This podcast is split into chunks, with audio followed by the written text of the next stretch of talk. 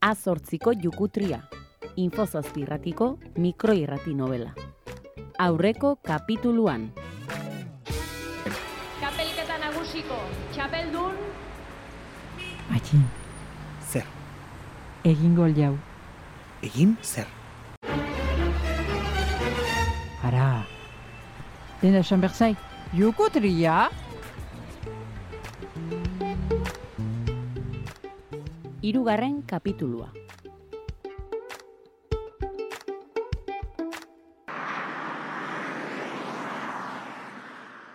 Ea ondo ulertu dudan, sarriegik txapela irabazteko trikimailu bat egin nahi dun.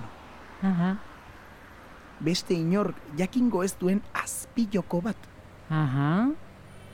Sarriegi bertsolaritzaren urrezko liburuan betiko toki bat emango dion zapokeria bat? Azkarra ez, Matxin. Eta harrapatzen bagaituzten, zer, elkartetik kaleratuko gaitizten joane. Eta zer importadik elkarteak? Gero eta sekta handiagoa duk. Gizara jaoz josia zegok. Beste lagunik ez daukatelako babesten dituk denak sektan. Tira, etzan hori esan, denetari gauden. Friki taldea duk, hori duk elkartea. Kentzen jek bertsoa bizitzatik eta Sebastian Lizaso Euskal Encounterrean baino galduago gelditzen dituk. Bueno, horiek gutxiengoa ditu. Bertsoa, bertsoa, bertsoa, beste konturik ez eguneko ogoita lau orduetan. Kotxean ere ezin musika entzun, laroita mairuko txapelketa nagusiko CDA jartzen ditek. Zuen txaloak beretzadi Bueno, hori nik ere egiten dinat, eta ez naun horregatik... Eh, Hi ere aparte jaten dematekoa izmatin. Badakin zer? Berdin zidan elkarteak, berdin zidan desterratzen banaute ere. Sarriegik merezidin hori eta gehiago. Horein txasia zeu ekimintzatzen. Fuera maialen, fuera amets, fuera grupismoa. Meloia zabaltzeko garaia dun. Euskal Herriak bere tamainako kultur ordezkaria behar din. Gizonezko eta informatikoa. Azkarra eta umoretsua esan behar ninan. Txantxauen, mutel. Venga, atera izan gaurko gai zerrenda. Sarriegin entzat, aproposenak hartu behar ditinagu. Horein bertan.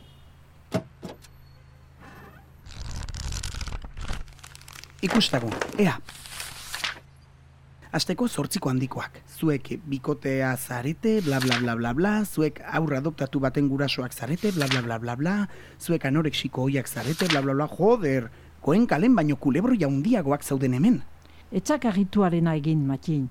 Oain, horrelako gaiak jartzen ditiau, hori ongi dakikik. Aha, eta Katalunia, eta independentzia, eta presoak, aurten presoei buruzko gai bakar bat ere ez duzue jarri.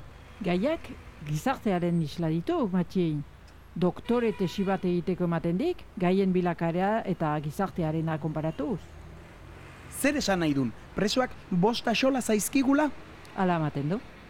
Aizan, eta amarreko txikikoa ez dun beste hau izango ezta? Bai, oraingoa luzea esamarra atera duk. Ea, ea? Zu aitor jubilatua zara. Goizeroko paseoan zoazela, eskaileretatik erori eta orkatila bihurritu duzu. Altxatzera zindoa zela, pareko farola ikusiez eta postearen kontra jo duzu buruarekin. Zeure onera etortzean, ohartu zara kartera lapurtu dizutela, lurrean konortea galduta egon zaren tartean gertuen dagoen farmaziara joan zara sendagai bila eta ordaintzerakoan bainat farmazeutikoak esan dizu kopago botikak hartu dituzula eta gehiago ordaintzea tokatzen zaizula. Iruna bertso, amarreko txikian. Baina, baina, baina, zer du nau? Bai, jak, alduguna egiten jau. Kendu sarriegiri gai hori derrepente. Bai, jak, eta ik zer egin behar duk sarriegik txapela irabazteko. Bere bertsoak ongi puntuatu eta zer gehiago. Ni epailea naun joan, eh? Askoz gehiago ezin dinat egin. Nola ez ez?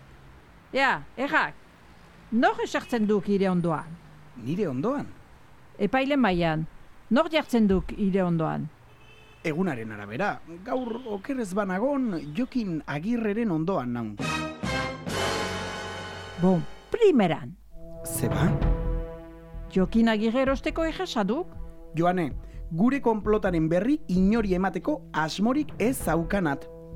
ez duk behar, sarriegik bertso bat botatzen duen aldiro, egin ezako txiki bat, jokin agirrek entzuteko adinakoa. Oh, bikaina! Ikusiko du, nola altu puntuatuko duen arkere. Benetan? Eta sarriegikin, leia zuzenean dabiltzanek kantatzen dutenean, kontrakoa egin, oiu txiki bat bota. Bo, bai eskasa. Eta ikusiko duk, nola jokin agirrek basu puntuatuko duen.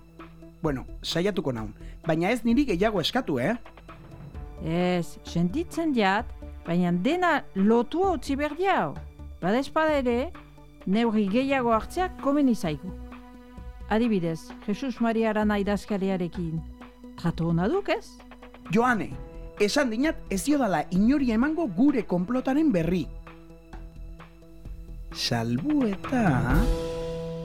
Orain gogoratu dinat. Jesus Maria Aranak mesede handi bat zorzidan. Abai? Bere biloba zaindu nionan behin. Berak sagardu egunera joan naizuelako. Badakik zer egin. Eros ezak arana. Eta kuk, hartutako neurri guziak nahikoak ez badituk, azken puntuazioen horria bere eskuetarat iristen denean, eau, manipula dezala. Jar dezala sarriegi lehen da bizi.